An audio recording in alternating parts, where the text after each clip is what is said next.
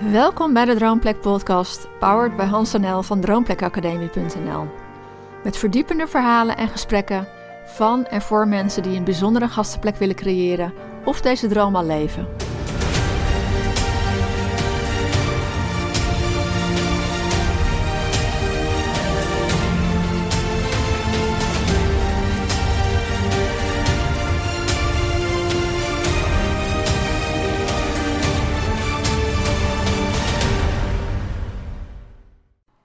2012 schrijven we ons boek Het geheim van de berghut over de eerste jaren van ons vertrekavontuur. Dit boek hebben we in delen voor je ingesproken, zodat je er overal naar kunt luisteren.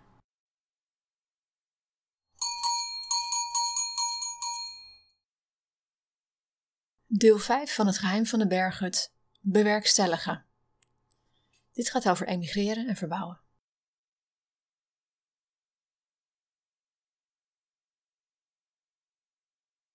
Financiële crisis. Het is eind 2008 en er vallen banken om. De financiële crisis breekt uit. Wat gebeurt hier? Deskundigen voorspellen dat dit echt serieus kan worden. We moeten ons huis nog verkopen.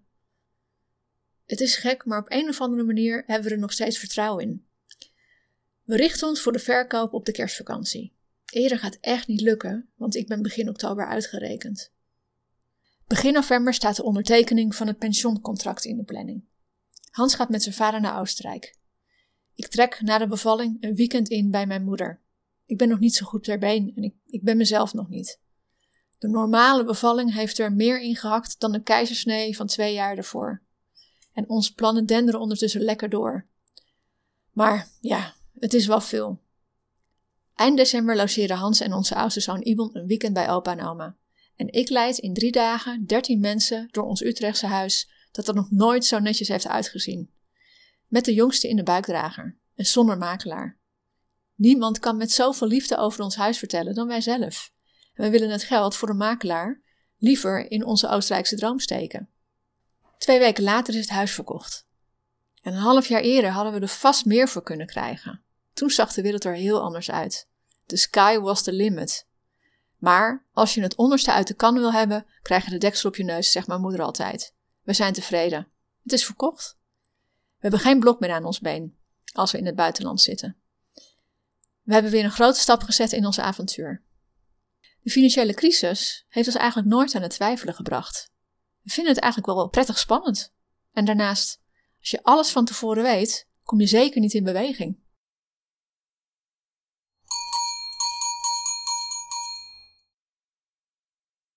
Familieavontuur. Het is januari 2009. Het is een half jaar voor de verhuizing. En we leven tussen dromen, delen en doen. Elke keer wordt met het delen van ons avontuur de droom een stukje echter. Daarnaast zijn we ontzettend druk met regelen, met van alles wat er moet gebeuren. En sinds juni zitten we in een spreekwoordelijke hoge snelheidstrein richting de bergen. Hoe doen we dat met twee kleine kinderen die we in ons avontuur meenemen? We willen in alle drukte wel de rust in huis bewaren. Dus de kinderen logeren het komende half jaar een paar keer een weekend bij opa en oma. We doen heel veel s'avonds en op de momenten dat ze naar de opvang zijn, twee dagen in de week. Onze oudste gaat pas naar het kinderdagverblijf als hij 14 maanden is. Maar bij onze tweede vinden we het toch makkelijker. En als hij drie maanden is, is er onverwacht plek. Wat doen we? We vinden het best een lastige beslissing voor onze lieve kleine man, maar we proberen het. En dat doet het fantastisch. Dat geeft ons ruimte. Ons januari-bezoek in Rauwis in 2009 met onze bergvrienden is onze winterfamilievakantie. We merken dat onze tweejarige Imon geen genoeg kan krijgen van de sneeuw. Geen gepiepende kou, niets.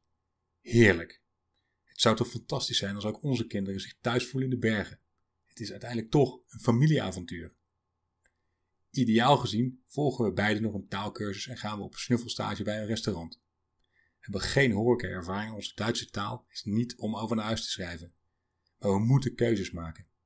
Chanel, ons verkochte appartement in Zwitserland, moet nog worden overgedragen en we willen er graag nog een keer samen skiën en afscheid nemen van onze eerste gezamenlijke bergdroom. Ook de Bergen website willen we voor onze emigratie klaar hebben en we gaan in mei nog een keer naar Rauris voor de voorbereidende werkzaamheden. en het hypotheekcontract tekenen, het praten over de overdracht van het huis, het huis opmeten en foto's maken voor de website. Na dit heerlijke weekend zet Nel me af in Duitsland, waar ik aan de Universiteit van Heidelberg een week Duits ga leren en in een gastgezin verblijf. Het lukt me dan toch om op taalkursus te gaan.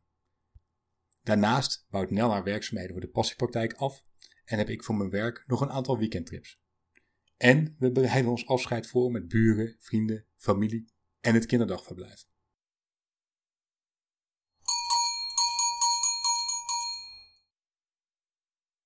Schijnwereld creëren. De website moet voor onze verhuizing af zijn, omdat we eenmaal in Oostenrijk vol in de verbouwing zitten. En met kerst 2009 willen we opengaan. Dat is dus even flink aanpoten. En we willen de site samen maken. Onze kwaliteiten vullen elkaar heel erg goed aan. Hans vindt het leuk om zich een nieuw programma eigen te maken en hij bouwt. En ik ben meer van de vorm en de tekst. En als we die kwaliteiten in de juiste balans inzetten, zijn we een gouden team. Ook met onze website gaan we een beleving neerzetten. We willen dat mensen het gevoel krijgen van daar wil ik heen. Maar hoe kun je hen nu het gevoel geven als het toekomstige huis nog niet gebouwd is? Als het nog niet er helemaal uitziet zoals onze droomplek eruit gaat zien. En sterker nog, als je er zelf nog niet eens woont. We maken in onze eigen huiskamer wat sfeerfoto's met hout en wol. We gebruiken mooie bergfoto's uit ons Chanel-tijdperk en foto's van de buitenkant van het pension. In januari maken we sneeuwfoto's met onze vrienden en hun kleine kinderen als figurant. En tijdens ons flitsbezoek van drie dagen in mei 2009 hebben we fantastisch lenteweer en maken we een aantal fantastische stokfoto's. Je hoeft je droom niet al gerealiseerd te hebben om een beleving over te kunnen brengen. We houden mensen dus eigenlijk een beetje voor de gek op de website. We creëren een wereld die er nog niet is. Wij weten echter wel dat die er gaat komen. En het helpt ons om alles vorm te geven.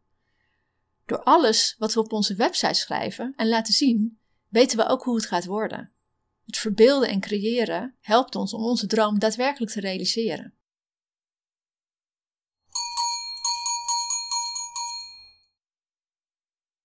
Afscheid. De laatste maanden van ons verblijf in Nederland bestaat vooral uit afscheid nemen. Het voelt heel raar. We zullen veel mensen zien, maar we weten dat we in de grote groep niet iedereen onze diepgaande persoonlijke aandacht kunnen geven. We weten dat we niet meer met iedereen contact kunnen houden als we eenmaal zijn geëmigreerd. We laten in Nederland alles achter ons en toch voelt het niet als definitief. De mogelijkheden van internet brengen de wereld dichterbij dan ooit. Afscheid van collega's. Op mijn afscheid krijg ik van collega's een fantastische lederhoze en ik geniet er echt van. Nel komt ook even langs met de kinderen, die op dat moment zeven maanden en twee jaar zijn. Op de terugweg krijgt Nel op de A12 met Ivan en Toby op de achterbank een aanrijding in de file. Ze is er gewoon niet bij met haar hoofd. Het is ook wel heel erg veel bij elkaar.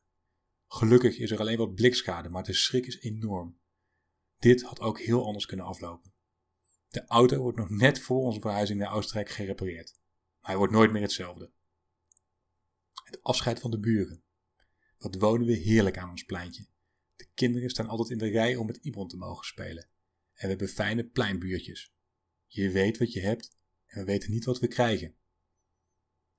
Het afscheid van ons huis. We hebben ons voorgenomen veel op te ruimen en weg te gooien voor ons vertrek. Maar het lukt niet. We zorgen dus in ieder geval voor genoeg dozen. Niet te veel nadenken, gewoon doen. Dit motto houden we vast gedurende de hele verhuisperiode.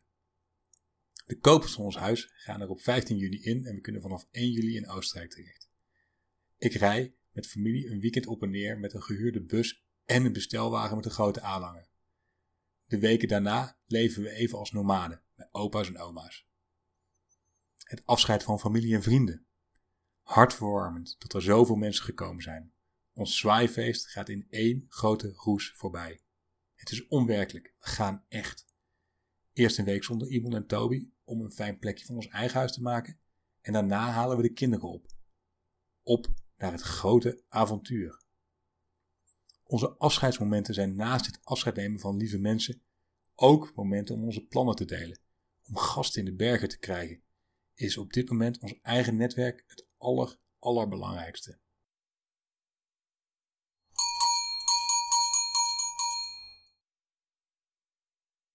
Verbouwen of niet? Het pension dat we hebben gekocht ziet er van buiten goed uit, maar is van binnen verouderd. Precies wat we wilden. Maar wat gaan we aanpakken en wat niet? De badkamers zijn eigenlijk nog prima. Schoon, maar oud. We krijgen later spijt als we deze nu niet meteen ook opknappen. Maar we realiseren ons dat we alles moeten vermenigvuldigen met 10. We hebben immers 10 gastenkamers. En dat telt snel op. Hoe gaan we dat financieel bolwerken? Dat betekent keuzes maken. Met de verkoop van ons huis in Utrecht en de vakantiewoning in Zwitserland hebben we, naast ons spaargeld, best wat in te brengen. Maar nadat ik mijn baan heb opgezegd, hebben we zeven maanden geen inkomsten en gaat er alleen maar geld uit. We willen er in ieder geval voor zorgen dat we niet op de nullijn komen. We zien op tv hoe mensen meteen in de stress schieten omdat er nu geld moet binnenkomen. En dat willen wij niet. Dus we bepalen een budget voor het huis en de verbouwing en we zorgen voor een buffer voor eventuele financiële tegenvallers. Dat geeft ons rust. Ik doe veel vooronderzoek voor het klussen. Ik wil erachter komen wat ik zelf kan, of eventueel met vrienden, en wat ik moet laten doen. Ik praat met mensen met veel verbouwingservaring die me vertellen dat het tegelen en het loodgieterswerk eigenlijk iets is dat je altijd moet uitbesteden. Verder adviseren ze me om leermeesters te zoeken en aan de slag te gaan. Gelukkig vinden we via via de juiste mensen in de buurt. Om ons berghutconcept volledig te kunnen doorvoeren en kloppend te kunnen maken, besluiten we om de verbouwing groots aan te pakken, voordat we met kerst 2009 opengaan. We houden niet van halfwerk. We dachten overigens dat een lening krijgen geen probleem zou zijn, omdat we met flink wat eigen geld naar Oostenrijk waren gekomen. Maar we krijgen bij de eerste twee banken nul op het request. Simpelweg omdat je volgens de bank geen gezin kunt onderhouden van de inkomsten van een pension met 10 kamers. De derde bank maakt onze dromen toch mogelijk. Was het niet gelukt, dan hadden we nog een crowdfunding plan achter de hand. In dat geval hadden we mensen gevraagd om financieren in ruil voor bijvoorbeeld een jaarlijks terugkerende weekvakantie in de berghut.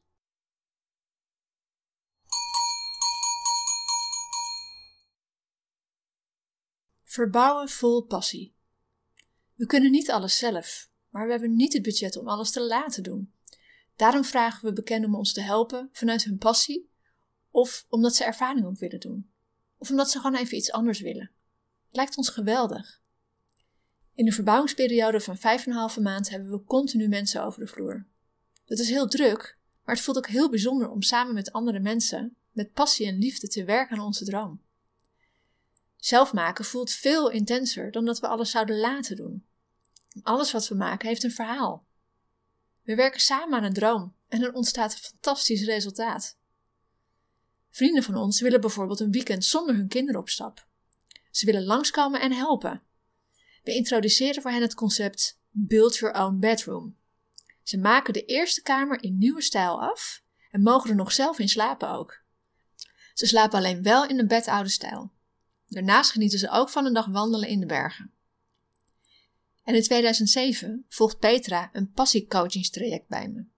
Ze vertelt al snel dat haar vriend Peter meubels ontwerpt. En zelf vindt ze het heel erg leuk om dingen uit te zoeken. We vragen hen langs te komen en om onze bergmeubels te ontwerpen. Peter maakt een proefmodel voor de commodekastjes in onze kamers. En later maakt hij ook nog een ontwerp voor de bedden. Ondertussen speurt Petra voor ons het internet af naar grijs-wit geruite dekbedden overtrekken en de juiste sloffen die we zoeken.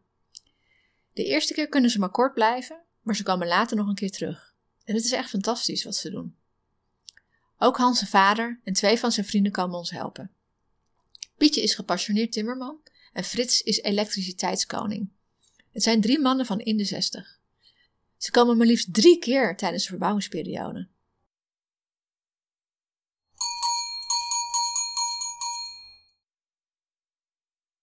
De geschiedenis van het huis. Bij wat breekwerk tijdens de verbouwing wordt één ding snel duidelijk. Onze berghut is niet in één keer gebouwd. Maar hoe zit het in elkaar? Waar staan dragende muren? Waar liggen elektriciteitskabels? Hoe loopt de riolering? Het klusteam van dat moment, bestaande uit mijn vader, timmerman Pietje en elektricien Frits, is duidelijk. Hans regelde goede bouwtekeningen. Zelf zijn we ook wel nieuwsgierig naar wat meer beeld en verhaal over ons huis uit vroeger tijden. We weten dat het in 1953 gebouwd is. Maar was het toen ook al een pension? En zijn er foto's van vroeger? Bij de gemeente blijkt niets van het huis bekend te zijn van voor 1960. Door de Tweede Wereldoorlog is alles van voor 1945 verdwenen en van de periode van na de oorlog tot 1960 zijn er geen bouwtekeningen terug te vinden. Misschien zijn ze er dus wel, alleen weet niemand ze te vinden. Een eerder bezoek aan een verzekeringsagent uit het dorp heeft ons wel wat informatie opgeleverd. Zijn vrouw blijkt namelijk de dochter van de eerste bewoner van ons huis te zijn. Ik zoek haar op, maar bij het huis aangekomen zie ik niet de vrouw die ik verwachtte, maar een oud vrouwtje dat op het huis past. Het blijkt de moeder te zijn en dus de eerste echte bewoner van ons huis. Ik word uitgenodigd en de oude vrouw vertelt. Ze komt erg geïnteresseerd over en lijkt het fijn te vinden om erover te kunnen praten. Soms komt er wat emotie boven. Ze heeft in de eerste jaren na de verhuizing heel veel heimwee naar de plek gehad. We krijgen wat foto's van haar en het huis blijkt als mini-huisje te zijn gebouwd en in een aantal fasen te zijn gegroeid tot de parel die het nu is. Geweldig om dat te weten. De bewoners voor ons, die in 1983 hun House Sunlight betrekken, hebben helaas geen beeldmateriaal beschikbaar. Wel vinden we ergens in een commodelaadje een oude ansichtkaart en een geweldige folder uit de jaren 70 of 80. Dolblij zijn we daarmee. We hebben dan wel geen bouwtekeningen, het geeft in ieder geval inzicht in de bouw van het huis.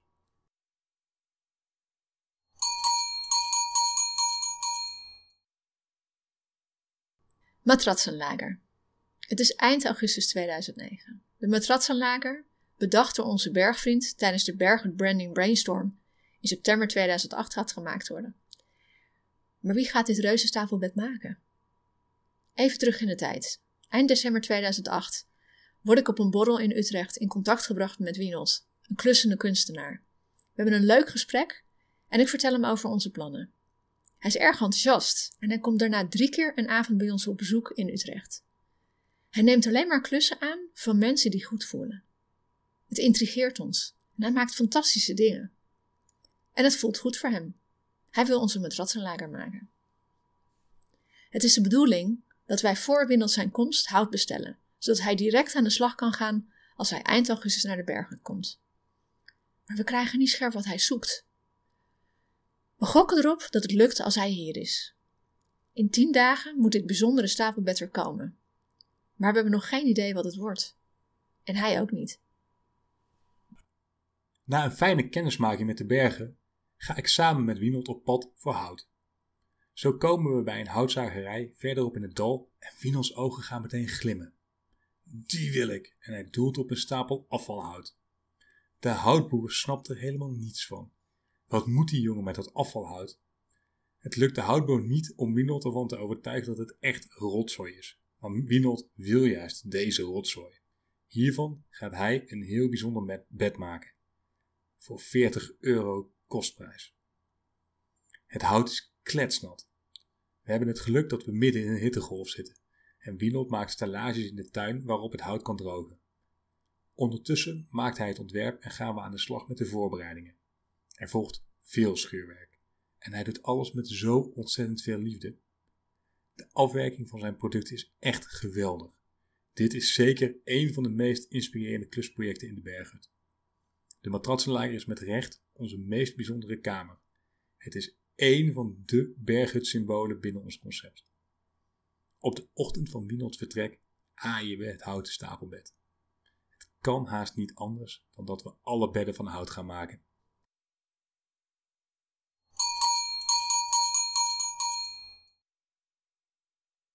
Ambitieus. Bij andere klusprojecten in Nederland heb ik altijd wel scherp voor ogen hoe het eindresultaat moet zijn. Maar deze keer voor de bergen niet. Ik heb wel een gevoel, maar ik heb nog geen vertaling. Samen met een vriendin die interieurontwerpster is, bepaal ik eerder in het jaar de inrichtingselementen van de berghut. Het worden hout, wol, steen en geruite stof. Maar deze, daarmee zijn we er nog niet. Het wordt een groeiproces. We willen een sfeervolle uitstraling, maar het moet wel betaalbaar zijn. Alle bedden in het huis zijn 1,90 meter lang. Daar kunnen we niet mee aankomen bij Nederlanders. Dit is echt een no-go. Dat betekent dat we alle bedden moeten vervangen, inclusief de matrassen. Bij IKEA hebben we bedden gezien die prima in de stijl passen. met een paar ochtenden schroeven kunnen ze in alle gastenkamers staan. En dan staat die matratsanlager daar. Het geeft ons het absolute berghutgevoel. Zo sterk zelfs dat we onmiddellijk beseffen dat we alle bedden op deze manier moeten gaan maken. Helaas betekent dat nogal wat voor de planning die toch al krap is. We besluiten het gewoon te gaan doen en te kijken hoe we het gaan bolwerken. Ook hergebruiken we veel dingen uit het oude huis, maar dat kost extra tijd. We demonteren bijvoorbeeld alle douchecabines, we maken ze schoon, we maken ze weer op maat. Er zijn namelijk nieuwe tegels op de oude tegels geplaatst en we plaatsen ze terug. Daarnaast bekleden we de banken en de stoelen in de stoelen opnieuw en verwerven we de lampenkappen. We doen sowieso veel met verf en verf doet wonderen. Ook hergebruik vinden we leuk. Alle matrassen die uit de oorspronkelijke bedden komen, van 1,90 meter, gebruiken we voor de stapelbedden. Anderhalve maand voor de opening nemen we alle hulptroepen aan die maar kunnen komen, om alles op tijd af te krijgen voor de kerstvakantie. Want dan zitten we twee weken vol.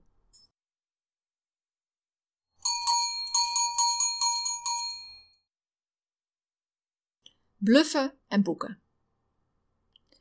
Tijdens dit half jaar van klussen houdt Hans zich voornamelijk bezig met het coördineren van de verbouwing en ik met de kinderen, verfklussen en boekingen. De boekingen. Ja, want daar draait het uiteindelijk om. De gasten worden ons bestaansrecht. Wat willen we op het reserveringsformulier zetten? Wat moet er allemaal op de bevestiging komen te staan? Ook hier willen we de persoonlijke nood en berghutbeleving overbrengen. We denken al tijden na over een geschikte prijsstelling. Hoe maken we de prijs laag genoeg om aantrekkelijk te zijn voor gasten, maar ook hoog genoeg om van te kunnen leven? We weten al dat in de eerste kerstweek een van mijn zussen gaat komen met een aantal vrienden en kinderen. Het is een opwarmweek. Ze krijgen korting en we willen alles horen. Wat werkt goed? Wat kan beter? Leren is in deze week onze missie. Het zijn echte gasten, maar omdat het via via bekenden zijn, zal het ook een beetje vertrouwd voelen. En dat is fijn. En dan komen de eerste boekingen binnen van mensen die we niet kennen. Mensen die ons gewoon ergens op internet gevonden hebben. Wauw, weet je, dat is gewoon, dat is gewoon super. Alleen, die eerste mensen vragen meteen al of wij ook chips hebben om te knabbelen en hoe duur de drankjes zijn. Ik probeer zo natuurlijk mogelijk antwoord te geven op de vragen en zo vriendelijk mogelijk te blijven. En ik zeg zelfs dingen toe die we nog niet in de planning hadden. De toekomstige gast vertelt dat haar kindje heel snel wakker wordt een hele donkere slaapplek nodig heeft. Ja, we hebben een gordijntje voor het stapelbed hangen hoor. Geen probleem. Eh, Hans, wil je even? En zo is het gekomen dat er een gordijntje voor het stapelbed op kamer 2 hing.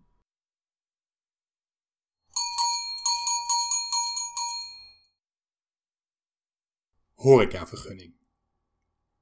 Om in Oostenrijk een pension te kunnen openen, heb je horecapapieren nodig.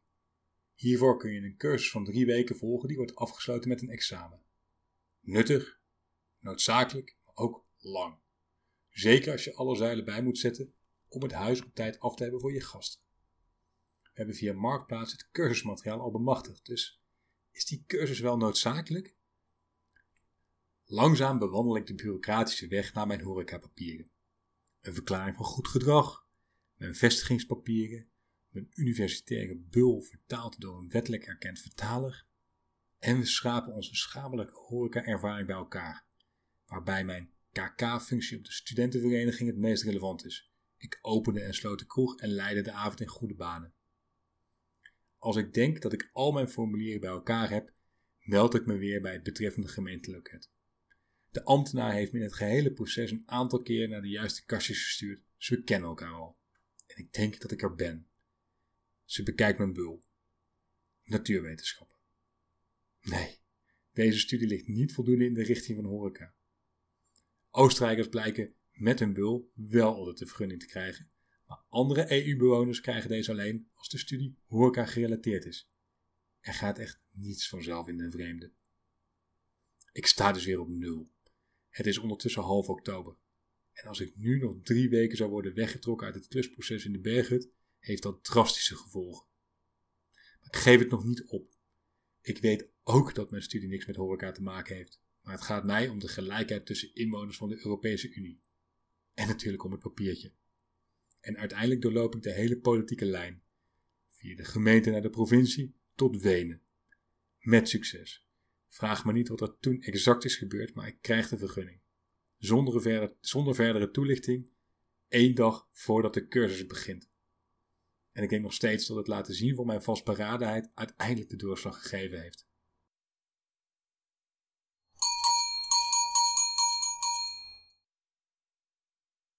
Zoekende moeder. Er is meer dan verbouwen. Opeens wonen we in een ander land, met een andere taal. We zijn weg uit onze vertrouwde omgeving waar mensen ons kennen. We beginnen letterlijk opnieuw. En niets gaat vanzelf. Hoe houden we alle ballen in de lucht, zodat de kinderen lekker in hun vel zitten en wij ook goed kunnen functioneren? We hebben hier geen vrienden en familie om gezellig even langs te gaan. Geen vriendjes met wie de kinderen kunnen spelen. En we hebben geen oppas. We hebben de eerste zomer een au pair voor de zomervakantie. Maar ik vind het lastig om iemand in huis te hebben, terwijl ik zelf ook in de buurt ben. We hebben al zo weinig privacy met een huis vol mensen. De kinderen zijn erg vroeg wakker. En we hebben maar twee slaapkamers in ons privéhuis. Dat grenst aan de berghutkeuken. En ze slapen dus ook nog eens samen op één kamer. Een verhuizing, een nieuw huis, nieuwe omgeving, een flinke verbouwing met veel verschillende mensen over de vloer. Het is onrustig voor hen. En daarbij hebben, hebben we beide acht uur slaap nodig om echt lekker te kunnen functioneren. En daar wordt flink aan geknabbeld. In Utrecht wonen we aan een plein en ik organiseer al jaren een pleinfeest. En het contact met de buren gaat altijd zo makkelijk. Maar ik mis hier de gezelligheid. Een babbeltje met onze buren en de kinderen die met Ibon willen spelen. Voor dit babbeltje heb ik nu toch geen tijd, maar ik merk dat ik het contact voor de kinderen mis. Ik ben te laat met inschrijven voor een moeder-peutergroep in het dorp, maar gelukkig wijst een Duitse, die ook net in Rouders is komen wonen, ons op de speelgroep van twee uur in de week. Ibon kan er nog bij. Een aantal maanden voor onze verhuizing schrijf ik Ibon al in voor de kindergarten, de kleuterschool. Hij zal bij aanvang net drie zijn. Kinderen mogen in Oostenrijk al vanaf drie jaar naar de kindergarten. Maar vierjarigen gaan voor. Er blijkt uiteindelijk geen plek te zijn. Hoe gaan we dit allemaal bolwerken als we de kinderen fulltime thuis hebben? De juf van een kinderkarten wijst me op een kinderoppas. Ibon gaat er twee dagen per week naartoe. Maar het voelt niet helemaal goed. Haar manier is niet de onze. Tegelijkertijd vind ik dat ik me niet moet aanstellen. Wat moeten we anders? Ik ben een zoekende moeder.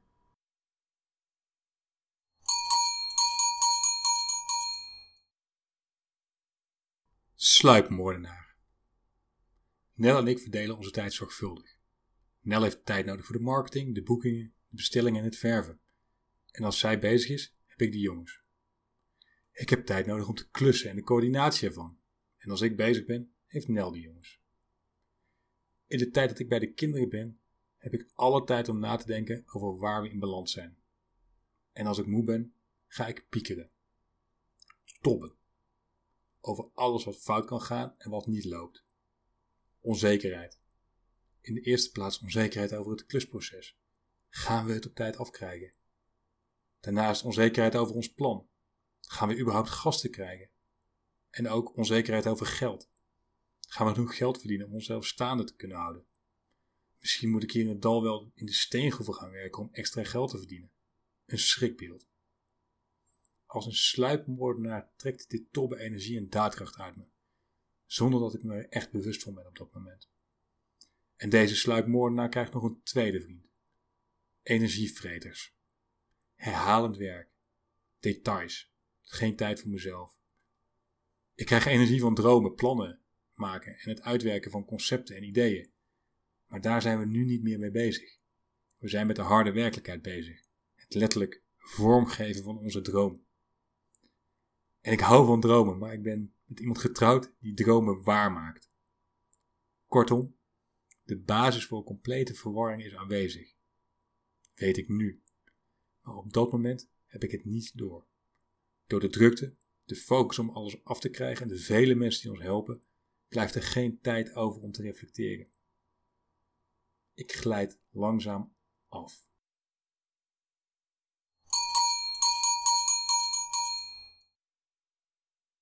Afbrokkeling. Terugblik. In Nederland ben ik geworden tot iemand van wie ik dacht dat ik het wilde zijn. Ik had mijn eigen, schijnbaar ideale context gecreëerd. Hierin kan ik mijn krachten optimaal inzetten en blijven mijn zwakte op de achtergrond. Of ik verzamel mensen om me heen die mijn zwakte afdekken, die me aanvullen. Alleen thuis wordt er af en toe aan mijn zorgvuldig gecreëerde beeld geknaagd. Nel merkt dat er onzekerheid achter mijn handelen zit en stelt daar vragen over. Thuis veranderen de omstandigheden ook sterk, bijvoorbeeld door de geboorte van onze oudste. En ik voel me verbonden met hem, maar ik voel me ook beperkt in mijn vrijheid. En ik kan niet tegen die gebroken nachten. Ik wil goed slapen om fit te zijn voor mijn werk. En langzaam begint er in mij iets te knagen. Is dit het nu? Ben ik dit werkelijk? Wil ik niet weer zelf meer aan het roer van mijn toekomst en mijn keuzes staan? Het opzetten van de berghut is een antwoord. Ik wil uit mijn comfortzone. In de Nederlandse fase van de berghut, van de bezichtiging tot de verhuizing, word ik alleen maar meer bevestigd in mijn gecreëerde beeld. Nog meer uitdaging, nog meer doen waar ik goed in ben. Een website leren bouwen, een projectmanager, de financiële zaken op orde krijgen. En ondertussen krijg ik niet dan waardering bij T-Mobile. Ik geniet. Ik ben op mijn grootst. Totdat we naar Oostenrijk gaan. Met de veranderingen die onze stap met zich meebrengt, vallen al mijn zekerheden weg. Mijn vaste salaris, mijn collega's, mijn vakgebied, mijn taal, mijn rustpunt thuis. Alles waar ik aan gewerkt had, verandert voor mijn gevoel. Ik houd van uitdaging, maar ik houd niet van verandering.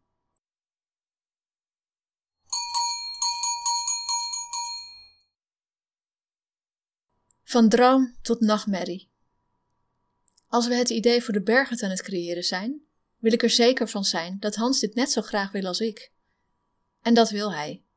We hebben wel verschillende beweegredenen om dat te doen, maar we gaan er samen voor. Het jaar voor de verhuizing voelt ook echt samen. Ondanks de drukte stroomt het. Als we ieder in onze kracht zitten, kunnen we werkelijk bergen verzetten. Eenmaal in Oostenrijk begint Hans onbereikbaar te worden. Het stroomt niet meer, terwijl het voorbereidingsjaar in Nederland zo goed ging. Ik snap het niet. Dit is onze droom. En dit is een memorabele fase in ons avontuur. Wat is er aan de hand? Tijdens deze verbouwing telt elke minuut en de volgeboekte kerstvakantie hijgt in onze nek. Maar ik kan dit niet onbesproken laten. Ik functioneer niet lekker als er iets tussen mij en Hans hangt. Het wordt me in een gesprek duidelijk dat zijn diep gewortelde angsten weer aan de oppervlakte zijn gekomen. Hans is bang dat we niet voldoende geld hebben en dat we geen gasten krijgen. Het verstijft hem. Hij kan er geen vertrouwen in hebben. En hij is gefrustreerd en reageert het op mij af. Alles is mijn schuld. Het proces om zijn angsten boven tafel te krijgen kost me ontzettend veel energie. Ik loop erop leeg. En diep in mijn hart weet ik dat we veel moeten praten. Het helpt hem. Maar ik trek het niet meer. Ik wil hem een schop onder zijn kont geven. Mijn vertrouwen in het project en zijn angsten botsen met elkaar. Op een middag achter mijn bureau in de serre, met fantastisch uitzicht op de bergen, vraag ik me af waar mijn passie is gebleven. Slik. Het is confronterend. Jarenlang werk ik aan mijn missie om meer passie in de wereld te brengen. En nu zit ik toch in mijn grote droom. En waarom voelt passie dan verder weg dan ooit? Komt hij ooit nog terug? We zakken dieper en dieper weg. Ik dacht dat we dit samen zouden doen, maar ik voel me steeds eenzamer. Ik ben verdrietig, gefrustreerd en boos en ik kan Hans niet bereiken. We kunnen elkaar niet vinden. Op een ochtend tijdens het verven huil ik. Heel lang. En op dat moment speelt het schrijven van een boek ooit al in mijn gedachten. Ik heb het boek in mijn hoofd al honderd keer geschreven. En de titel is Van droom tot nachtmerrie.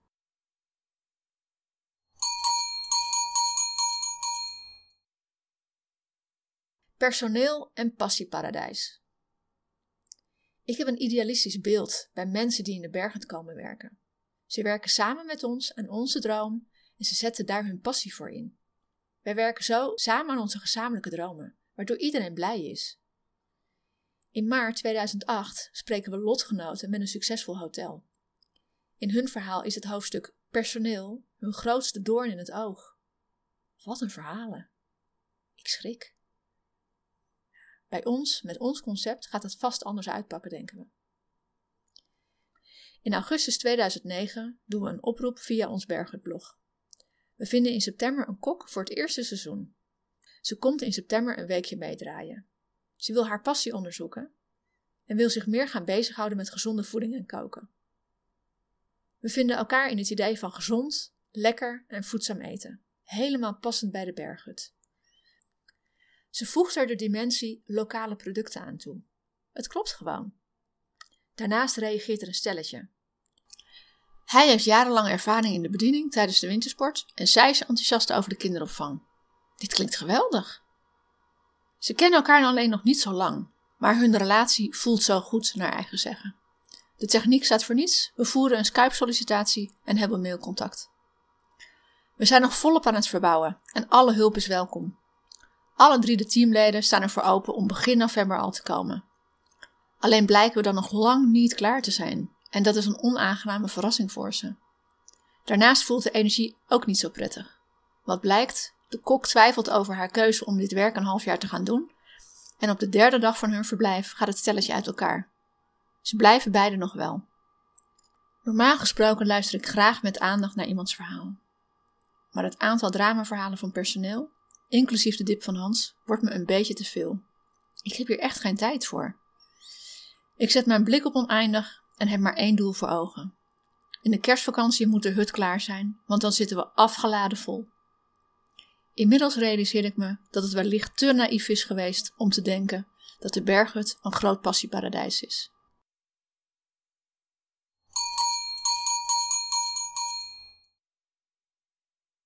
Behoefte aan rust. De tijd schrijdt voort en het huis vordert. Ik merk dat mijn kwaliteiten om mensen aan het werk te houden tijdens de klusperiode nog steeds goed van pas komen. Maar hij komt minder en minder uit mijn handen. Ik focus me op het bijhouden van de actielijst en zorg voor de benodigde klusmaterialen. Lange dagen produceren worden door anderen opgepakt. Ik snak naar het einde van de klusperiode. En tegelijkertijd merk ik ook dat ik niet uitkijk naar de komst van de gasten. Er bekruipt me een ongemakkelijk gevoel. Dit is de periode na dromen. Dit is mijn nieuwe leven. En de gevleugelde woorden van een vriend komen voorbij.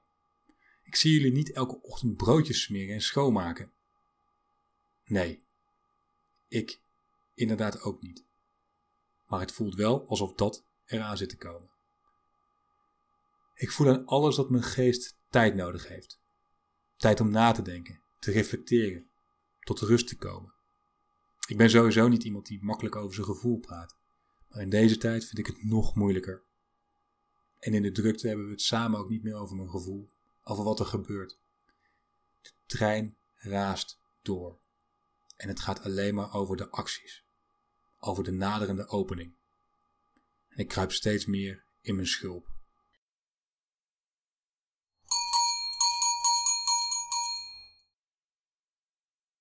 De eindsprint rollercoaster. Inderdaad, begin november moet er nog veel gebeuren. Alle bedden moeten nog gemaakt worden. Er moeten commodes en nachtkastjes op de kamers komen. En de vloeren en plinten in alle kamers en gangen boven moeten nog gelegd worden. Verder moeten de kamers nog worden afgewerkt.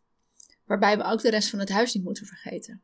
We moeten nog verven, bekleden en nog alle gordijnen maken. Het schoenenruim moeten we nog opknappen. De keuken uitbreken, betegelen, installeren we moeten nog een houtkachel plaatsen. Oh ja, de speelruimte in Spee is nu een klushok, maar die moet ook nog worden aangepakt. En niet te vergeten, opruimen en schoonmaken.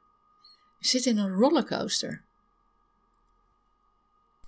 Hans heeft via zijn Brabant-dispuut van zijn voormalige studentenvereniging weten te regelen dat er in de derde week van november zes studenten gedurende drie dagen tot onze beschikking staan.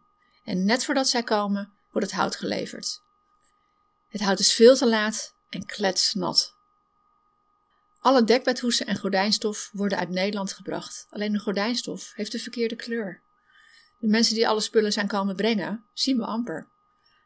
Onze oudste wordt namelijk net op dat moment in het ziekenhuis opgenomen. Zijn stoelgang loopt al lange tijd niet lekker. Hij zit verstopt. We zitten ook nog samen in een crisis.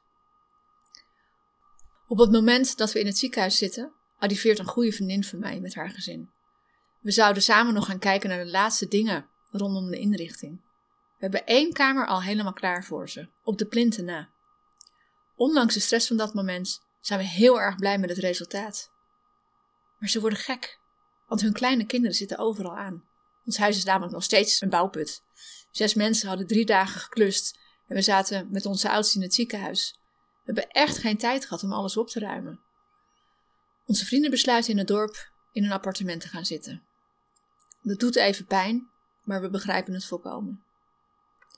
Hans blijft een paar nachten in het ziekenhuis slapen. Het is een periode van de Mexicaanse griep. Een paar dagen nadat iemand uit het ziekenhuis is gekomen, krijgt hij griep. En Toby, en ik, en Hans, en een personeelslid, we krijgen allemaal de Mexicaanse griep. Onze hulptroepen zijn op dat moment onze redding.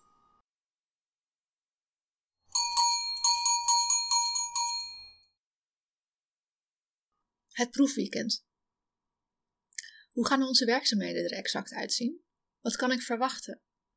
De medewerkers beginnen net na aankomst al vragen te stellen over hoe de processen eruit gaan zien.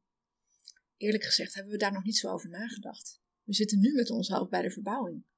We snappen dat die vragen komen, maar we hebben het vertrouwen dat het tegen die tijd wel goed komt. We hebben al eerder bedacht dat we een proefweekend gaan organiseren, in het weekend voordat we open gaan.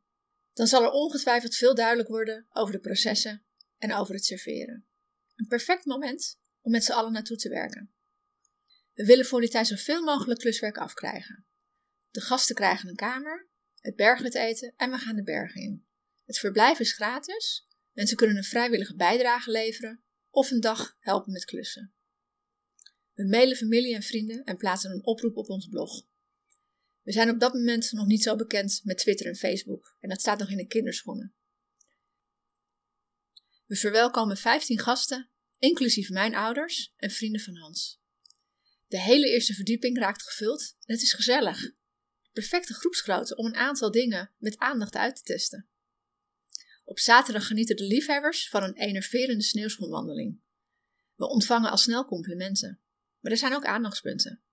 Zo is het plan om het ontbijt per persoon uit te serveren. Een verse koffie uit schattige Italiaanse koffiepotjes voor één of twee personen klaar te zetten. Dat blijkt geen succes. Het kost veel te veel tijd.